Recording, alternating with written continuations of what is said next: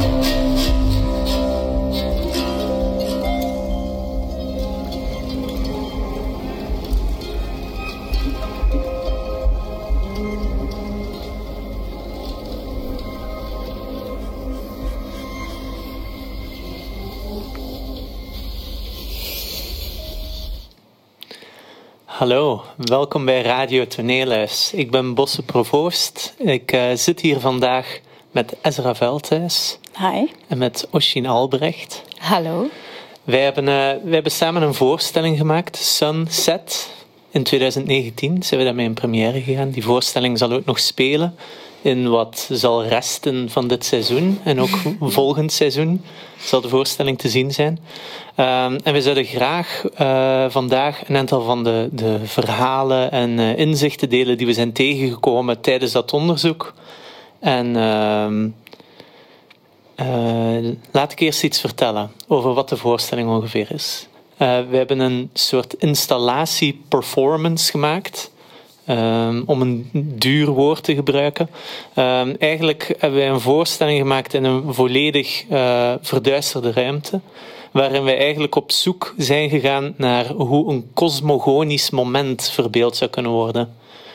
Nu, misschien wel even handig om uh, een cosmogonie. Een cosmogonie is eigenlijk, het is alle mogelijke uh, verhalen of verklaringen of fantasieën over hoe iets uit het niets kan ontstaan, is ontstaan. Zoals bijvoorbeeld het begin uh, van de kosmos.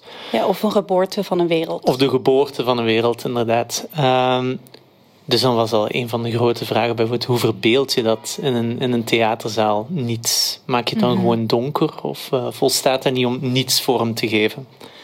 Um, we zouden vandaag graag willen praten uh, over hoe we de wereld proberen te lezen door het te hebben over de verhalen die we onszelf en elkaar doorheen de tijd verteld hebben en nog steeds vertellen over het ontstaan van de wereld, cosmogonieën dus. En hoe die zich verhouden tot onze meer directe, dagelijkse, zintuigelijke ervaring van de wereld om ons heen. Het is namelijk onze overtuiging dat uh, onze dagelijkse zintuigelijke ervaringen het vocabularium vormen om ons dingen voor te stellen die zich wezenlijk voorbij ons voorstellingsvermogen bevinden. En op die manier zien goden er al snel uit als dieren of als mensen, maar lang niet altijd natuurlijk. En verbeelden ons de eonen van duisternis voor het bestaan al snel als een lange stikdonkere nacht en wordt het moment waarop er dan licht binnenglipt in die duisternis, geassocieerd met het aanbreken van de dag, maar ook met de geboorte van een wereld, van ruimte, van goden en van mensen. En wij waren tijdens ons onderzoek ook benieuwd naar veel verschillende tradities. Uh, waar raken die verhalen elkaar en waar verschillen ze van elkaar?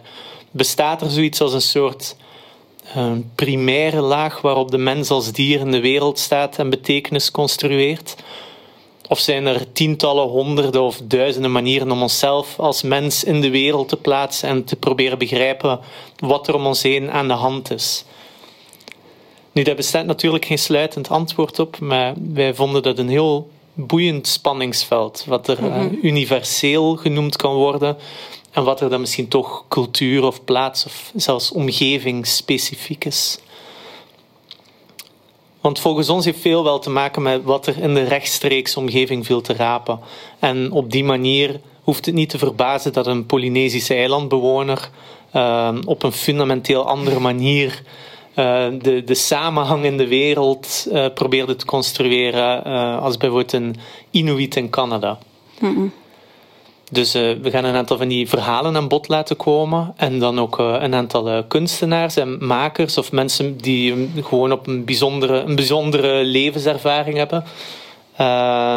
en laten we beginnen met een reis die Ezra en ik hebben gemaakt naar New York. Daar is heel veel begonnen voor deze voorstelling.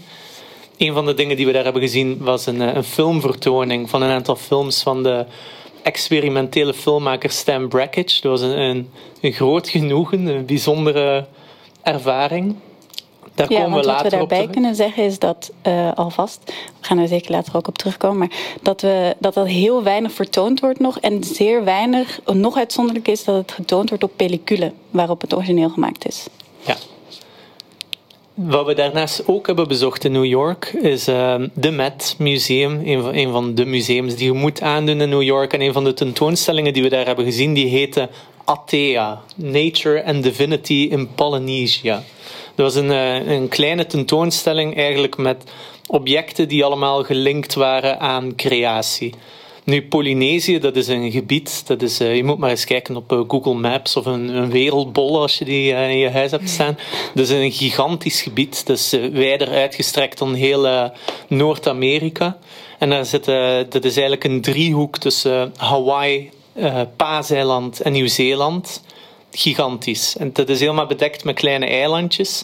Dus hun, de relatie van Polynesiërs um, tussen materialen en het, eh, het hogere, het heilige, alles dat te maken heeft met uh, wat, wat hen te boven gaat, was heel sterk gelinkt aan materialen. De rode veren waren bijvoorbeeld uh, een heel heilig object, omdat er bijna geen materialen te vinden waren die rood waren.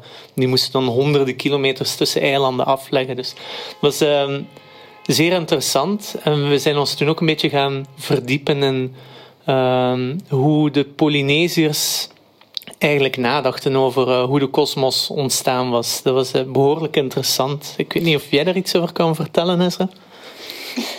Uh, ja, zeker.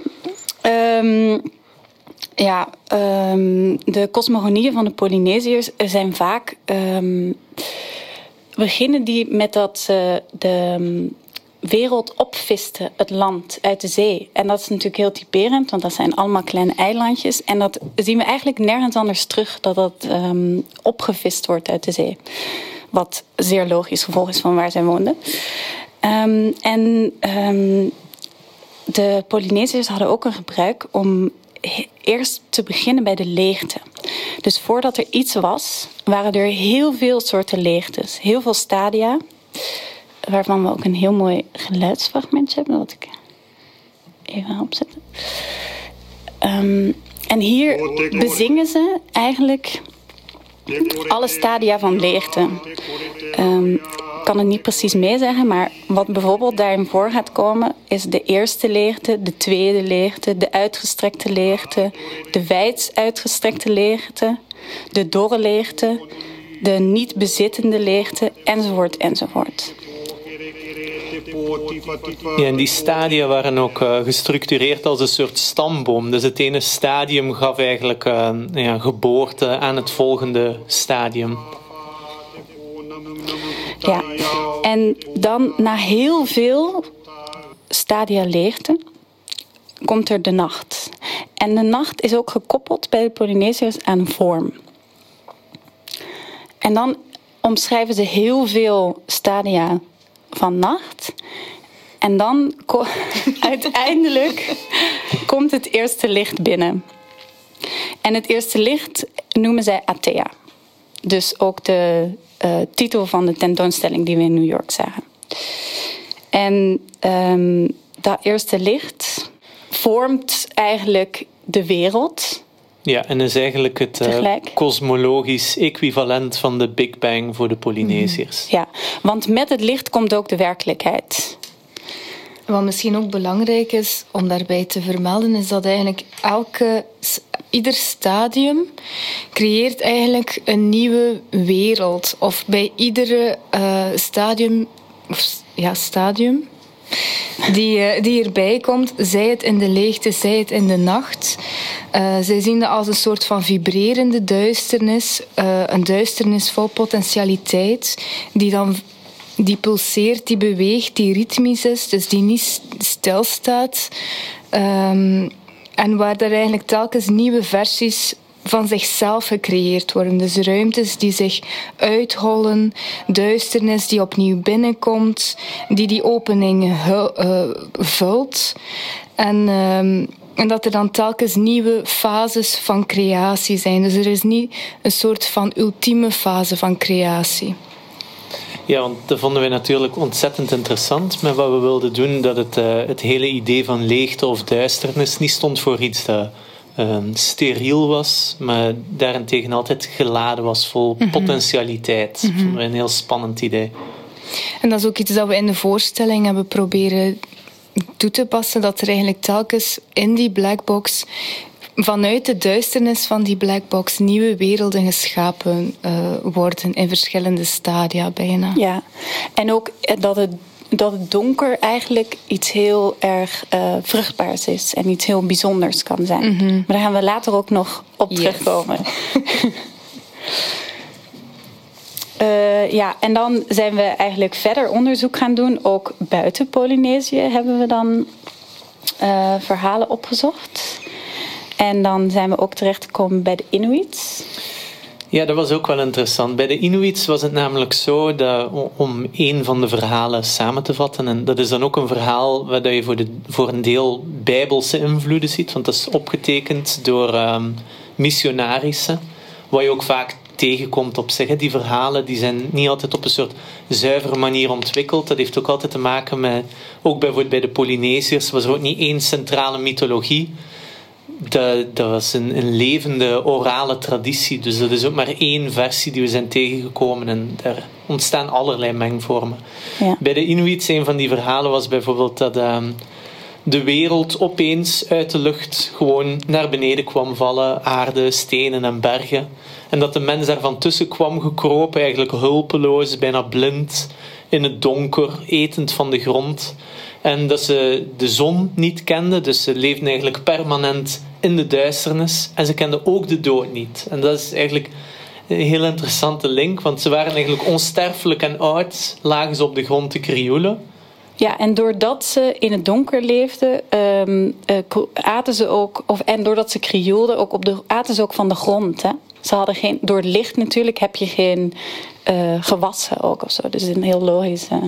Ja, en tegelijkertijd waren ze dus onsterfelijk tot twee oude vrouwen een gesprek met elkaar voerden. En dan zei de ene vrouw van, laten we in het donker leven als we op die manier uh, de dood kunnen ontlopen.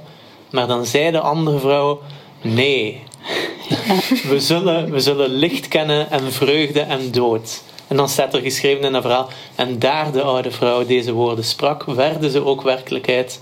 Er kwam vreugde en licht en dood vonden we heel interessant die expliciete link tussen, tussen licht, licht en, en, dood. dood ja. ja. Ja. en licht en de werkelijkheid waar we dan in terechtkomen, eigenlijk in het aardse, in de en wereld. de tijdelijkheid. Ja, daarmee ook. Ja. Dag en nacht, die dan wat opeens een reëel concept wordt. Ja. Ja, je kan je ook voorstellen bij de Inuits, zo, zo noordelijk als zij mm -hmm. leefden en mm -hmm. leven, heb je natuurlijk ook die extreme afwisseling mm -hmm. van periodes waarin het heel lang licht is, periodes waarin het heel lang donker is. En dat kan niet anders dan een enorme mm -hmm. invloed gehad hebben. Maar je merkt natuurlijk ook, dat is iets van alle tijden, dat, uh, dat is een tuigelijke referentiekader van observaties, dat er ook wel mensen waren die het idee gehad moeten hebben van dat is misschien te beperkt om, om een verklaring te geven of om als referentiekader te dienen voor dingen die ons zo ver te boven gaan, die zo groot zijn.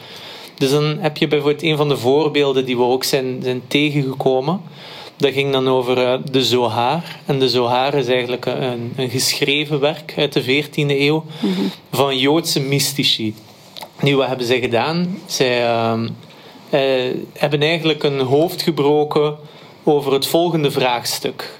Uh, want in het Oude Testament wordt het licht niet één keer, maar twee keer geschapen. Op de eerste dag, dat weten we allemaal, God zei er was licht en er was licht. Uh, maar ook op de, op de vierde dag worden de zon, de maan en de sterren aan de hemel geplaatst. Wat een groot vraagstuk gaf, want dat was de vraag van... Ja, wat is dat eerste licht dan? Het licht dat niet gezien kan worden, een soort oerlicht. En wat was die oerduisternis dan, waaruit de oerlicht ontsprong? Mm En eigenlijk wat zij hebben gedaan, is eigenlijk bepaalde beelden gaan schrijven, daar verklaring aan proberen geven. Denk, Oshin kan dat, weet daar denk ik het meest over. Maar uh, het komt er eigenlijk op neer dat ze poëzie hebben geschreven. Dat ze eigenlijk een aantal onmogelijke beelden hebben gemaakt. En doordat die beelden onmogelijk te bevatten zijn, hopen ze dan, volgens mij is een beetje mijn theorietje daarover, mm -hmm. dat er tussen die woorden, want dat is toch hoe poëzie werkt, dat er tussen die woorden iets ontstaat dat dan in de buurt zou kunnen komen van iets wat wezenlijk onverklaarbaar of onbenaderbaar is. Ja, misschien kunnen we even, kunnen we even luisteren naar jouw hertaling daarvan. Ja, want we hebben een, een vertaling van een van die mystieke uh, teksten gevonden. Maar die hebben we een beetje veranderd om, uh, om een wat duidelijker beeld te kunnen krijgen van wat ze eigenlijk uh, willen voorstellen. Dus ik, ik heb het een beetje aangepast, maar het is wel nog altijd in het Engels. Maar wat zij dus voorstellen is het volgende. In the beginning there was a spark of impenetrable darkness, a cluster of vapor forming in formlessness. The core, not white, not black, not red, not green, no color at all. Seen as a cord, it expelled radiant colors. Deep within a spark gushed a flow, splaying colors below. It split and did not split its aura, was not known at all, until, under the impact of splitting, one high and hidden point shone. Beyond that point, nothing is known. Dus ja, wat zij eigenlijk hier omschrijven is die eerste dag van creatie. Een wereld dat we uh, nog niet de wereld die we met onze zintuigen ervaren, maar een soort van zelfcreatie uh, van God. Ja, want dat is wel heel uh, mooi, want Ein Sof, dat, is een, dat veronderstelt een dode God. En dat is dus het, het eerste licht zit daar ook in vervat. En wat er interessant aan is, is dat dus eigenlijk is dat dus het niet, maar toch is dat weer iets. Dus dat veronderstelt hoe wij als mens eigenlijk ons niet kunnen voorstellen, of eigenlijk toch weer niet kunnen voorstellen dat er echt niets is. Toch wordt er weer iets gecreëerd daarin. Ja, want Ein Sof betekent letterlijk in het Hebreeuws um, zonder eind, maar kan ook gezien worden als nietsheid of het niets. Ja. Of uh, ungrund, of is non-grond. Mm -hmm. zou een letterlijke vertaling zijn, ja. naar het schijnt. Geen boven en geen onder. Oh, ook wel, ja. En geen ja. naast. Dan, een andere eigenlijk manier van met taal om te gaan, uh, een idee over een relatie tussen, tussen taal en woorden ten opzichte van de werkelijkheid, uh, vinden we terug bij de Aboriginals van Australië. Daar uh, was eigenlijk een netwerk van een soort onzichtbare paden. Uh, die, we, die we kennen als dream tracks. Mm -hmm. En het idee van de Aboriginals was eigenlijk dat ooit op een gegeven moment dat er een soort totemische wezens waren. Die alles wat ze tegenkwamen onderweg, stenen, planten, dieren, een naam gaven en dat zongen. En het idee van de Aboriginals. Ja, en zo ook tot leven hielden, hè? als ja. ze het bezongen. Ja, want het idee van de Aboriginals is dat eigenlijk ieder jaar opnieuw die paden opnieuw bewandeld moeten worden en die liederen, de wereld moet eigenlijk gezongen worden. Niet omdat de wereld bestaat, maar om de wereld te kunnen laten bestaan. Ja, en dat is ook iets wat je terugziet bij de, de ehm, Polynesiërs natuurlijk. Want zij zongen, zoals we net al hoorden, ook in dat fragment, al die stadia bezongen zij ook. En, maar zij deden dat voor een net andere reden. Want zij, ehm, misschien deden ze dat ook wel voor die reden, maar zij deden dat ook voor de reden um, om dichter bij hun voorouders te komen. Het zingen. Wat ook op zich een heel mooi gegeven is. Het was ook een orale traditie en eh, de rijm of de zang is een, is een ideale manier om bepaalde verhalen of ideeën te kunnen overgeven of, uh, of onthouden. Lijkt mij. ja, ja. Um, en dan een sprongetje naar de Eurok. Ja, nog een verhaal. Ze blijven maar komen, die verhalen. Ja. We hebben ook een heel uitvoerig onderzoek. Ja, ja, ja. Um, ja, zo was er dus in, in die eilandengroep. Dus je moet je dat voorstellen dat, dat al die leegtes. Uh, die, in die, de, die we daarnet horen, uh, gehoord hebben in die gezangen. Ja, er, zijn, er is natuurlijk een gigantisch landschap van water. Dus hun uitzicht is. Er is een soort vreemde leegte en, en eindeloosheid, stel ik me dan voor. Um, bij zo'n stille oceaan. En uh, een van die volken, het, uh, het Yurok-volk, die eigenlijk ten noorden, ten noorden van, uh, van Californië leefde. Ja, dus waren geen Polynesiërs, maar keken nee. wel uit op dezelfde oceaan. Ja. Um, zij ja, daar heb je ook hele hoge golven. Het is nog altijd een soort van uh, bekend uh, surfgebied, eigenlijk heel die, heel die regio. Dus ze hadden eigenlijk ja, gigantische golven en daar hadden zij ook een idee rond gevormd van hoe dat, dat eigenlijk kwam, die golven. En uh, als je kijkt naar de horizon, of naar de zee, dan heb je enerzijds een soort vlakte en dan heb je de horizon en dan heb je eigenlijk een soort van luchtkoepel bijna die daar overhangt. En als je met je hoofd van links naar rechts beweegt, lijkt dat eigenlijk bijna een soort ja, koepel of halve cirkel te vormen. En hun idee was dat, um, dat die halve koepel um, botste op het uh, wateroppervlak. En dus eigenlijk op die manier de golven creëerde. Maar dat er op die manier ook openingen ontstonden tussen die hemelkoepel en de oppervlakte van, die, van dat water. En als je een uh, goede uh, was, dan kon je met je kano um, daartussen glippen. En, um, en dan kon je misschien ook wel terechtkomen in een nieuwe wereld en heel de nacht dansen op de kust van de nieuwe wereld.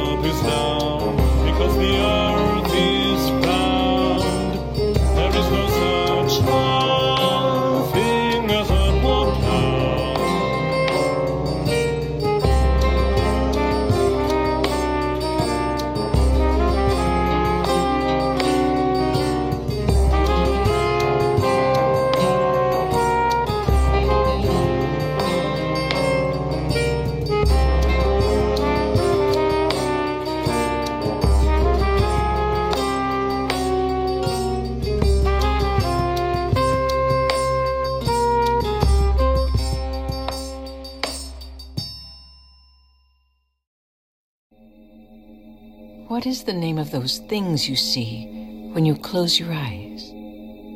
I think it's phosphines, The reddish patterns, the little stripes and dots and blurry little lines you see floating around when you close your eyes. And no one really knows what they are or what they're for. Sometimes they seem to be brought on by sound or random electrical or magnetic firing. Sometimes phosphines are called prisoners cinema some kind of eternal, plotless, avant garde animated movie. Or maybe they're just screensavers, holding patterns that just sit there so your brain won't fall asleep. Um, hier hoorden we net Laurie Anderson en daarvoor hoorden we Down is Up van Moondog. En in het fragment van Laurie Anderson, of eigenlijk gewoon haar nummer is dat, um, hoorden we uh, dat zij eigenlijk je uitnodigt om te luisteren naar, of om te luisteren niet, ze, ze nodigt je ook uit om te luisteren. Al die zintuigen, die beginnen te zunderen door elkaar. uh, maar ze nodigt je ook om um, uh, ze nodigt je uit om te kijken naar visuele ruis, naar fosfins. En dat vonden we een heel inspirerend idee. En geïnspireerd daardoor en door de Polynesiërs, die uh, de donkerte of het echte pikdonker als um, potentieel zien, maakten wij in het begin van ons repetitieproces van Sunset um, onze ruimte volledig donker. En, of dat probeerden we althans te doen. Want we kwamen er al heel snel achter eigenlijk dat, um, het, dat er heel veel verschillende lagen van duisternis bestaan.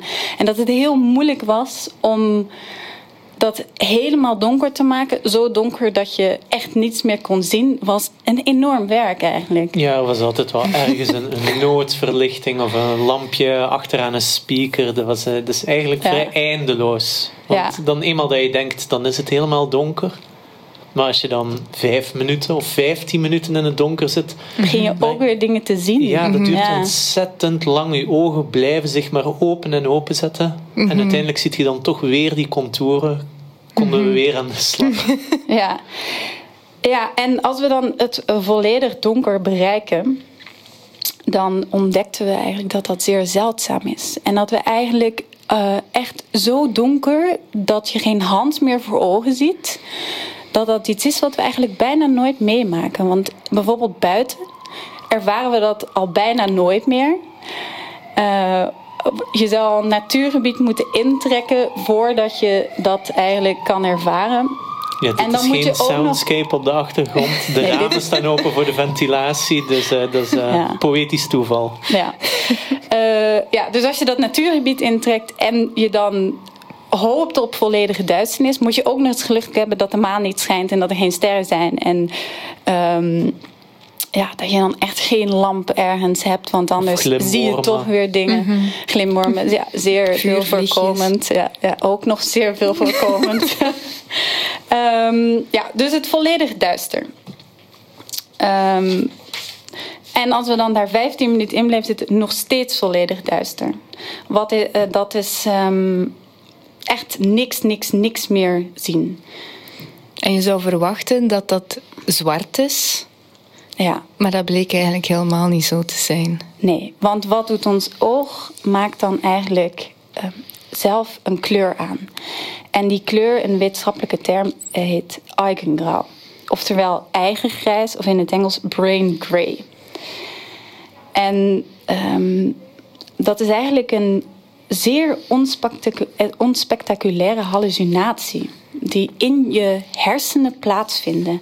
En wat we dus zouden kunnen zeggen, wat we een leuke gedachte vinden, dat je dus eigenlijk die hallucinatie in je ogen maakt en daarachter eigenlijk het echte, echte donker schuil gaat. Ja, en eigengrauw mm -hmm. is eigenlijk een kleur die doet alsof ze niks is. Mm -hmm. Uh, heeft zelfs een eigen kleurcode. Dus dat is eigenlijk ook bij iedereen vrij gelijkaardig. Dat is, fotografen weten dat misschien, maar wij, als je een kleur neemt, zwart, dat is echt niks. Ja, dat is eigenlijk hash 000000. En eigengrauw is niet 000, maar is uh, hash 161616D.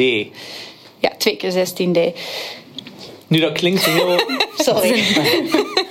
klinkt heel saai, zo'n hallucinatie. Maar eigenlijk toen dat we daar zaten, als je dan uiteindelijk eh, de, de, de donker zelf of je eigen donker gaat observeren, ja, ontstonden ook allerlei patronen en vormen daarin. En wat ook heel interessant was, was dat de grens tussen ja, iets zien of iets denken te zien heel troebel wordt. Als we zo instinctief hadden we de neiging om dan zo te proberen onze hand te zien. En dan was het soms zeer twijfelachtig of we die konden zien of Ja. niet.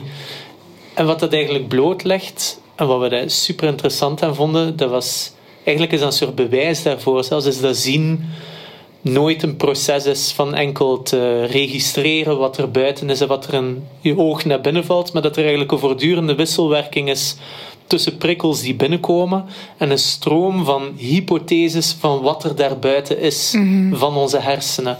En wat er gebeurt is dat als er geen prikkels komen Ja, geen lichtprikkels. hè, geen lichtprikkels komen, maar auditief geldt dat eigenlijk ook. ook. Als er geen prikkels komen Ja, om die hypotheses tegen te spreken, ja, dan kom je in een soort grensgebied. Waar dat, eh, de- soms is dat vrij rustig en kun je dat ook wegdenken, maar bijvoorbeeld in zo akoestisch afgesloten ruimtes eh, is het ook gekend dat als er echt geen enkel Ja, is geluid het is, niet zeer dat, er, moeilijk. dat er auditieve hallucinaties Ja. eigenlijk ontstaan. Ja, en dat bewijst maar weer zo wat we ook bij Ein Sof zien, eh, bij een verklaring voor alles. Het is ook gewoon ons, ons lichaam dat dat eigenlijk niet in staat is om niets te ervaren.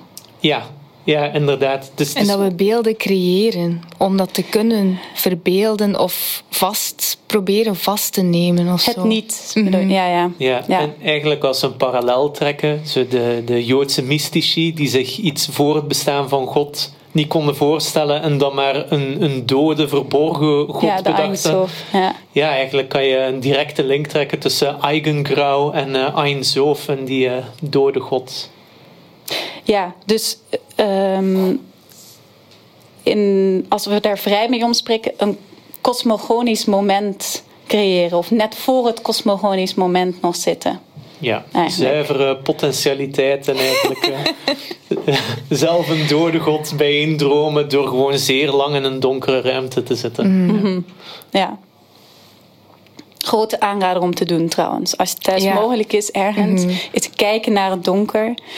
En Dat was ook iets dat mensen achteraf vooral bijna was bijgebleven. Bij Sunset, ja. Bij Ja. Sunset ehm, was dat van wauw, dit is iets dat ik heel weinig meemaak en dit is Ja. daarom een bijzondere ervaring. Ja, Ja. Veel mensen vonden dat dan zelfs het bijzonderst. En al die andere beelden waar we zoveel werk in hadden gestoken. Ah ja, oké. En Gewoon Ja, pikdonkere misschien ruimte, moeten we dat was het vertellen- spectaculairste. ja, misschien moeten we dan vertellen dat in Sunset dus we het eerste kwartier in het donker zitten. Ja, ja dat is misschien Ja. niet onbelangrijk. Want te mensen-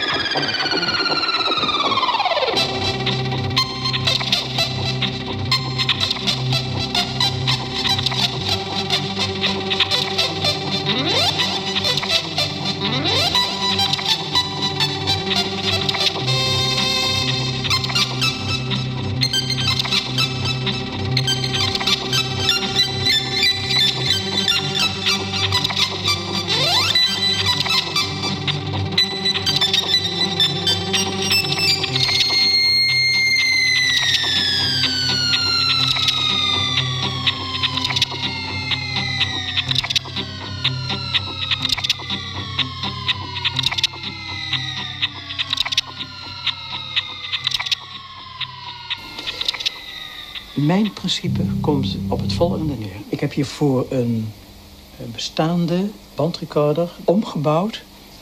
Dat kan ik laten horen. Zo, daar gaat hij.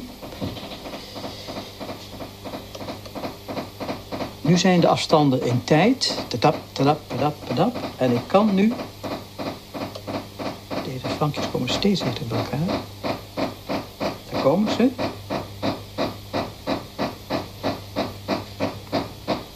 Er verschijnt een toon. Een toon die er niet is. Hoor je? Gaat hij omhoog? Joep, omhoog. Dit is werkelijk een toon die het gevolg is van een hele dramatische herhalingsoperatie. Het, is, gaat zo snel, maar je hoort het als toon. Dat, dat, dat, dat. Een toon hoor je die er niet is. Hij is er niet. Je kunt hem niet pakken. Je kunt niet zeggen, daar zit de toon. De toon is een werking in de natuur. Ja, we hoorden net Dick Raaimakers. Dat is een, eh, een componist die pionier was in de elektronische muziek. Het nummer daarvoor was ook eh, een van zijn nummers, de Song of the Second Moon. En, uh, ja, gemaakt samen met Tom Disseveld. Ja, klopt juist de credits geven. Um, dus, uh, en daarna, als hij spreekt over dat geluid, is een fragment uit een uh, YouTube-filmpje, fantastisch YouTube-filmpje, dat uh, Dick Raaimakers Het Kleinste Geluid heet. Um, misschien dat het wel eens tijd is om het te hebben over geluid en muziek in relatie tot de wereld. We hebben al veel over licht gesproken en ook over woorden en taal.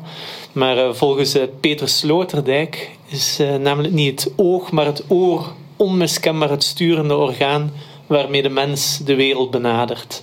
En dat begint volgens hem al op het moment dat we nog van die wereld afgesloten zijn en dat we rondzwemmen in de baarmoeder en de geluiden van de wereld van buitenaf horen, met als uh, structuurgevende principes de stem en de hartslag van de moeder. Dus melodie en ritme. Um, ik denk dat wij alle drie als makers, als kunstenaars, dat wij eh, voornamelijk toch eh, in eerste instantie visueel ingesteld zijn.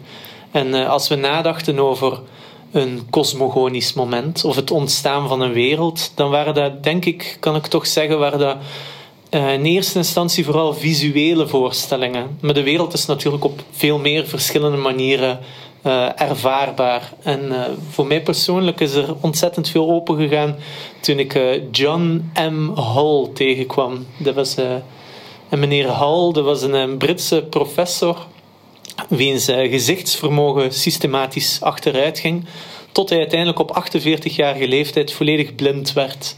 Hij heeft er ook veel over geschreven en gesproken later in zijn leven. En in 2016 is een documentaire gemaakt op basis van dagboekfragmenten van zijn reis in de blindheid of naar de blindheid. Notes on Blindness heet hij. En uh, hij heeft het in die documentaire over zijn ervaring om blind in de wereld te staan. Over, hij vertelt hoe de herinneringen aan de gezichten van zijn vrouw en kinderen verdwijnen. De, de initiële ervaring van uh, opgesloten te zitten in zijn blindheid.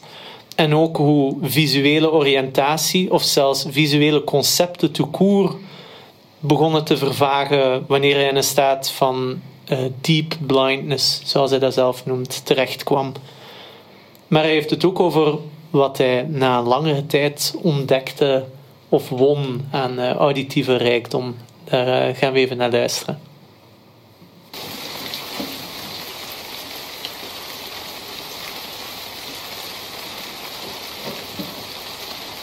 Rain brings out the contours of what's around you in that it introduces a continuous blanket of differentiated and specialized sound, uninterrupted, which fills the whole of the audible environment.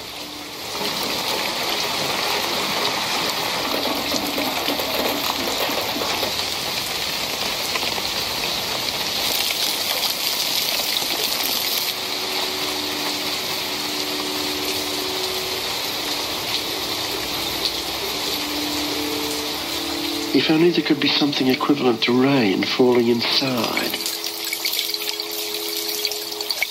Then the whole of a room would take on shape and dimension.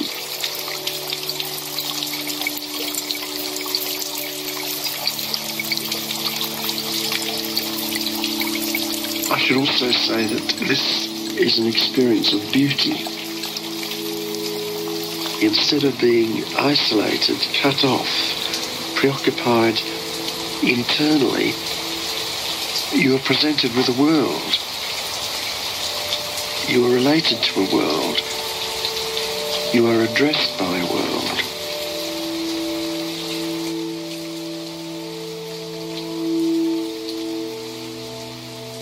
Why should this experience strike one as being beautiful? Cognition is beautiful. It's beautiful to know.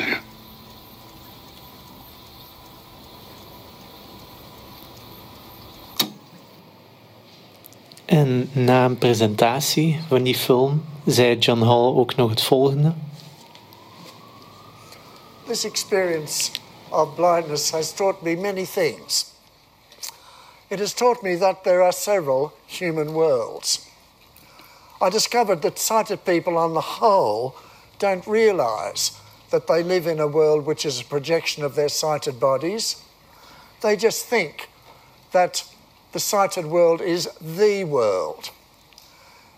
Therefore, people that don't live in their world must be without a world. Blind people are therefore worldless. I feel that this is one of the reasons for the misunderstanding and the, the unwanted compassion with which blind people often find themselves treated.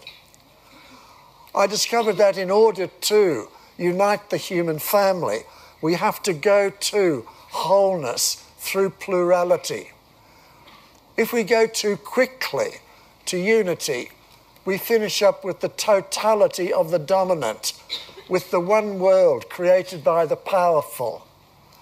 But to obtain one real world, we have to integrate all the many worlds, the many human worlds. And going through that plurality, we can at last achieve the humanness, the one human world which lies beneath all the worlds and ties them all together. Thank you, everybody. Om de link tussen John Hull te leggen en uh, wat wij met geluid in Sunset doen, is wat heel mooi is waar hij over spreekt in uh, zijn film, is over regen. En daarmee eigenlijk kunnen horen wat je omgeving is. En eigenlijk auditief kunnen kijken. En dat vonden we een heel mooi idee. En daar um, zijn wij door op gaan werken door eigenlijk. We maken een. Um, we hebben samen met Benjamin Kos een, um, een soundtrack gemaakt voor het begin van de voorstelling. En daarin zit je eigenlijk tussen de boxen in. Dus het is uh, surround. En je hoort van allerlei hoeken geluid komen. Um, die we zouden kunnen beschrijven als auditieve ruis. En daarin spelen we met dat de ruimte groter lijkt dan die is. Dat die zo kleiner wordt en zo is als die is gewoon.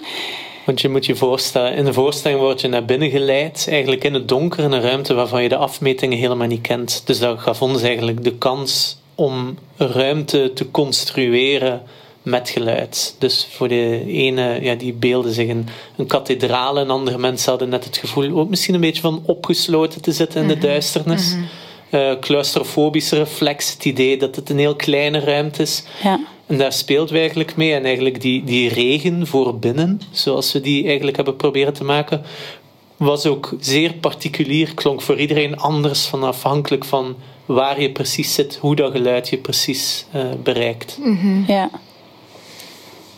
En situeert. Er valt over het geluid in de voorstelling nog heel veel te vertellen, denk ik. Um, dat kan. Of, want uh, een, een, een, componist die, uh, die wij gebruikt hebben in de voorstelling, um, Gorecki. Uh, zijn tweede symfonie, denk ik. Ja. Uh, Symfonia Kopernikovska heeft hij eigenlijk geschreven uh, op uitnodiging van de verjaardag van Copernicus. En hij dacht, ja, de 500ste verjaardag van Copernicus. Hij dacht van ja, hoe, hoe maak ik een interessant stuk over, um, over het feit dat de aarde niet meer het middelpunt van, van, van het be menselijke bestaan is. Uh, want Copernicus uh, had dus bewezen dat de, um, dat de aarde rond de zon beweegt. Ja, en niet wij het middelpunt van het universum zijn. Ja, voilà. Ja. En, uh, en hij had daar een gesprek over met een, een vriend van hem, uh, Zanussi. Ja, een regisseur. Een regisseur uh, die opmerkte dat, um, dat voor, voor velen dat ook een, een, een zeer tragisch moment was. Dat verlies van, van dat middelpunt en dat verlies van, um, van de wereld zoals dat die gekend was. Ja, en Koretsky was ook diep katholiek, toch? Ja, zeker. Ja. zeker. Ja, dus ja, het, hele, het hele systeem, de, de houding die de mens aannam ten opzichte van, van de wereld, maar ook ten opzichte van God.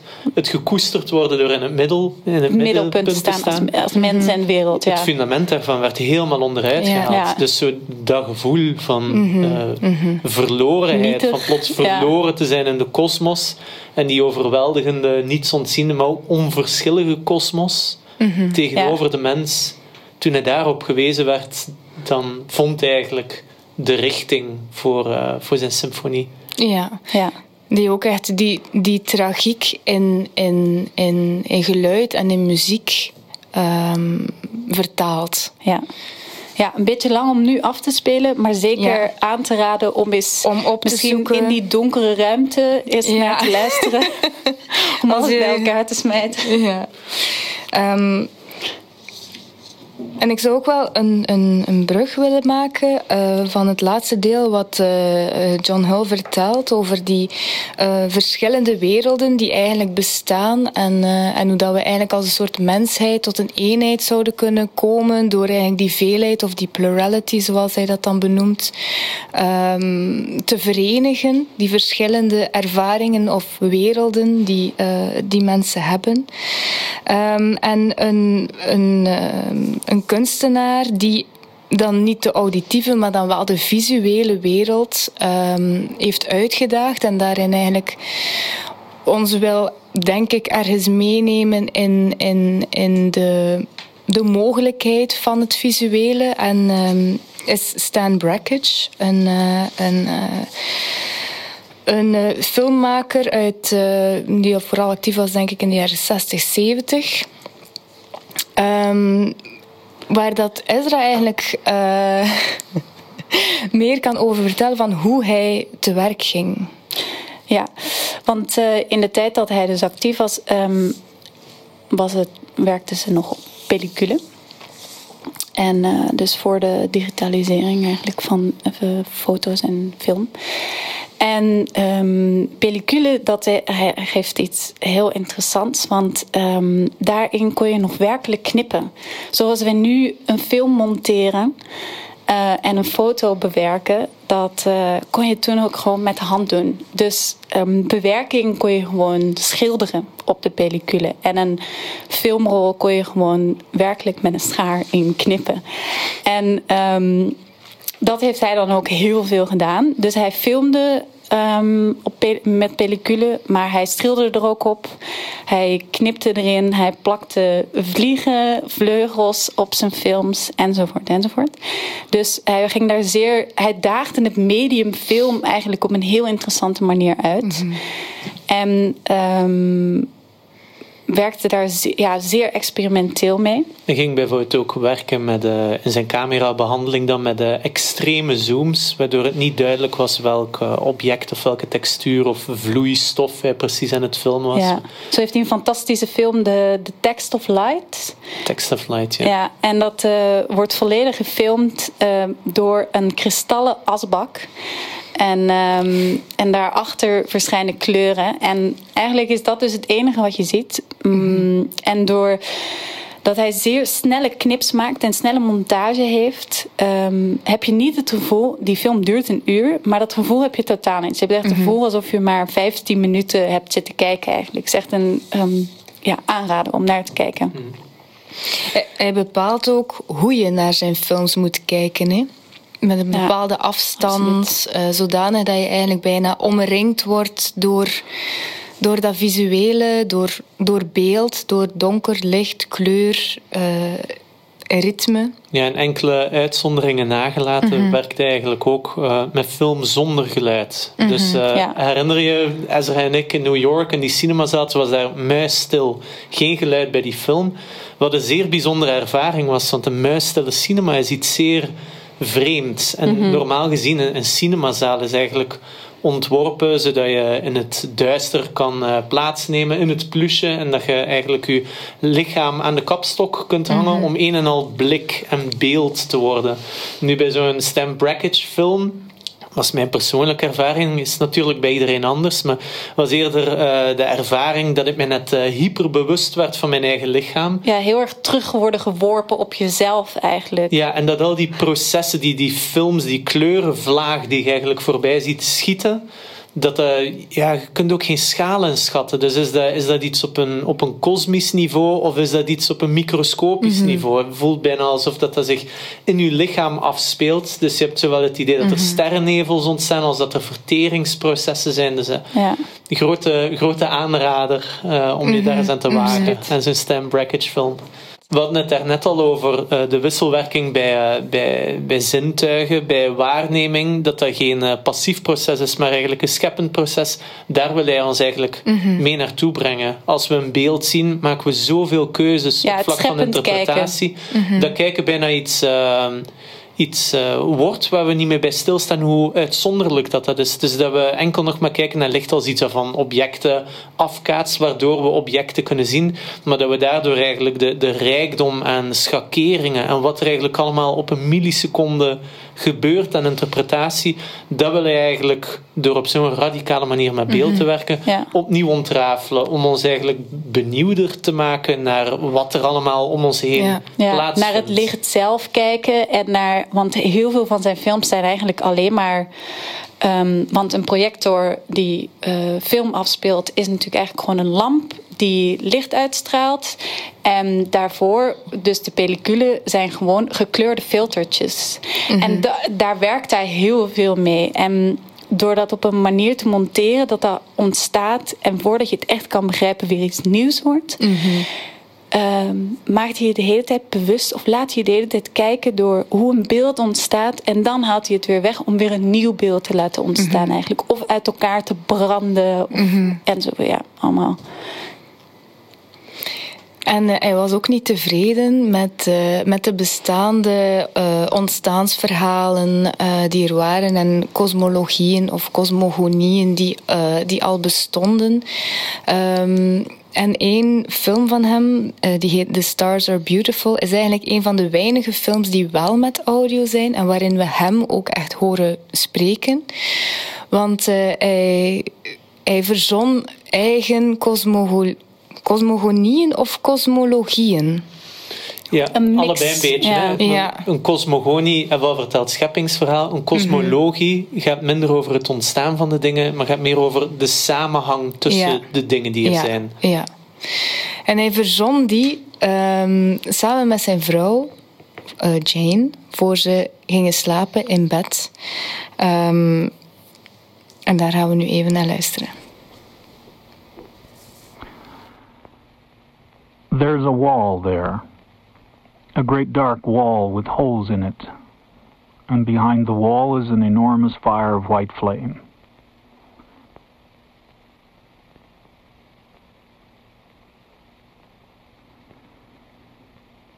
The fact is, the earth is falling into a well. The sun is the top of the well, the blue sky the walls. The stars are reflections of the real stars behind the sun. Black of the sky at night is ashes, the moon a bubbling drop of water. This is the same with us, i.e., as the universe burns, so do we. Our heads contain water very much like the sky holds moons. The burning in us keeps the water in our heads boiling and sputtering. The sky is a cup of tea which the earth drinks every day, then at night inverts the cup to read the leaves.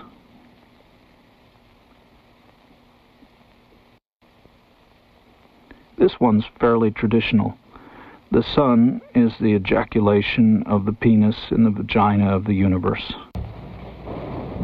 The stars are the sperm searching for the eggs of moons.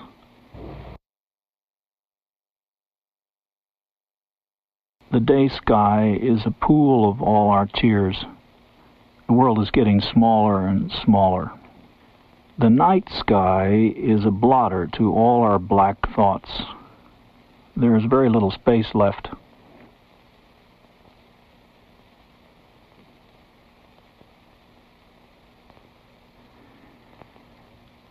Sky is the low water beach on which are left phosphorescent plankton, which will grow to be enormous beasts.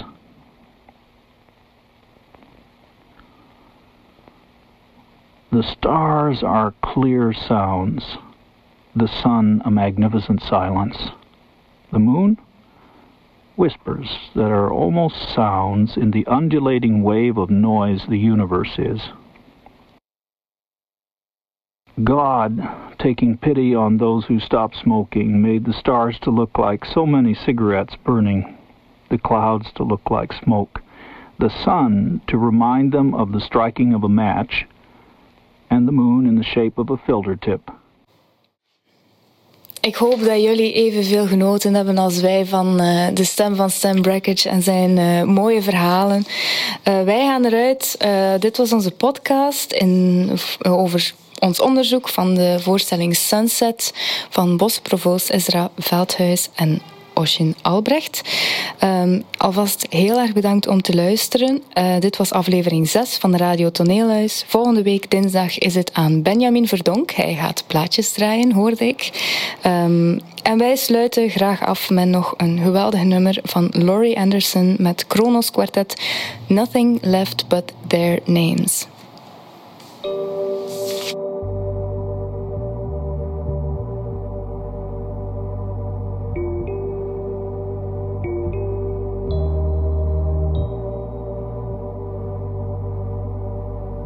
You know, recently, I got a book listing all the animal species that have disappeared off the face of the earth. Called All the Disappeared Animal Life Forms of the World.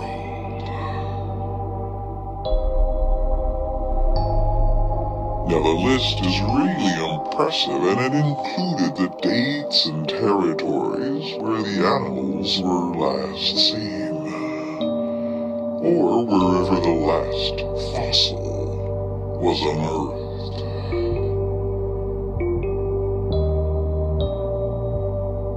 Now, as you probably know, 99.9% of the species who have ever lived are now extinct. So this is a very long list including massive numbers of civids, big subsets of spotted lizards, every last mastodon, the short-faced bear, the shrub ox, fifteen chapters on sloths, and one whole chapter. On a one-eared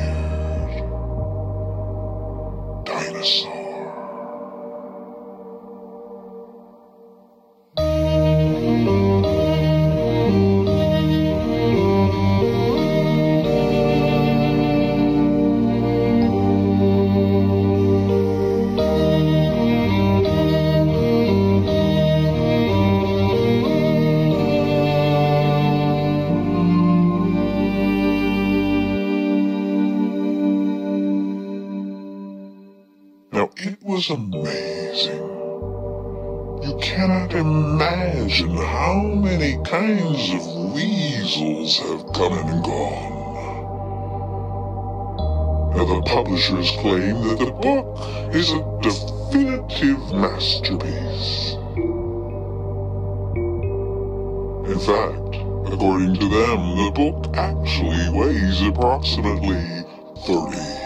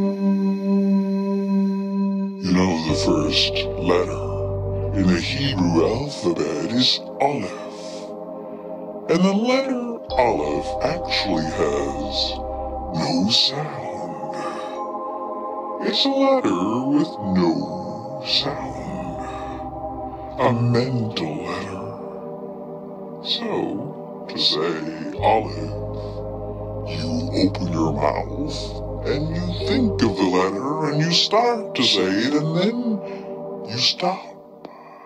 And that is Olive.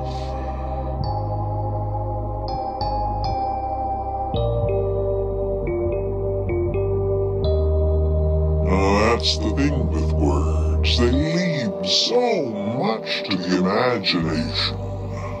Like in yoga class.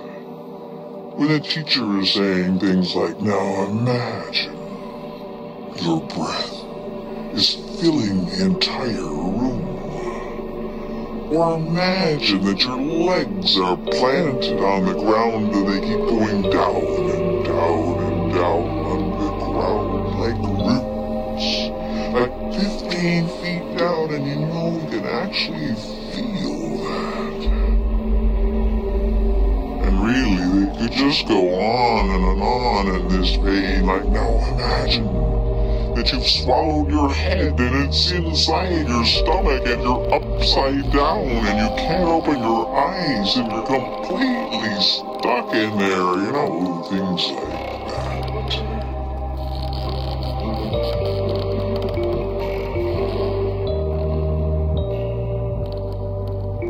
But I'd have to say that often it's much better to talk about things than to actually do them. Take, for example, a very long expedition to the North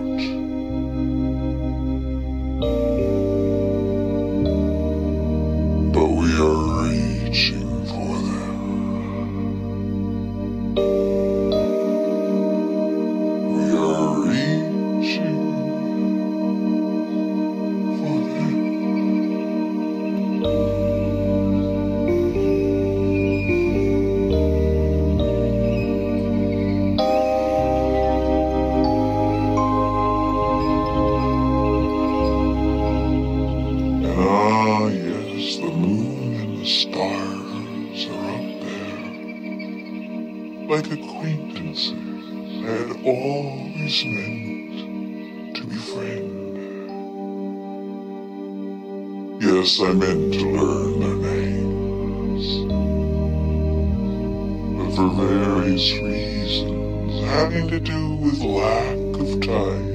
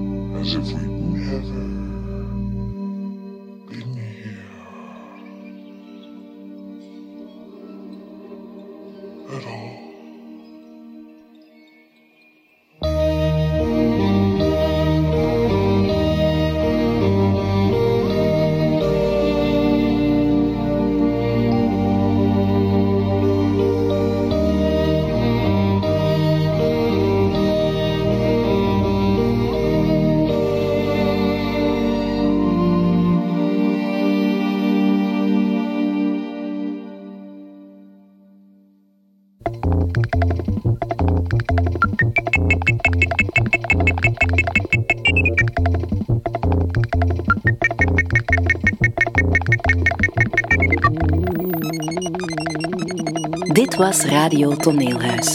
Tune in op dinsdag of donderdagavond voor de volgende aflevering. Of beluister alle afleveringen op radiotoneelhuis.be.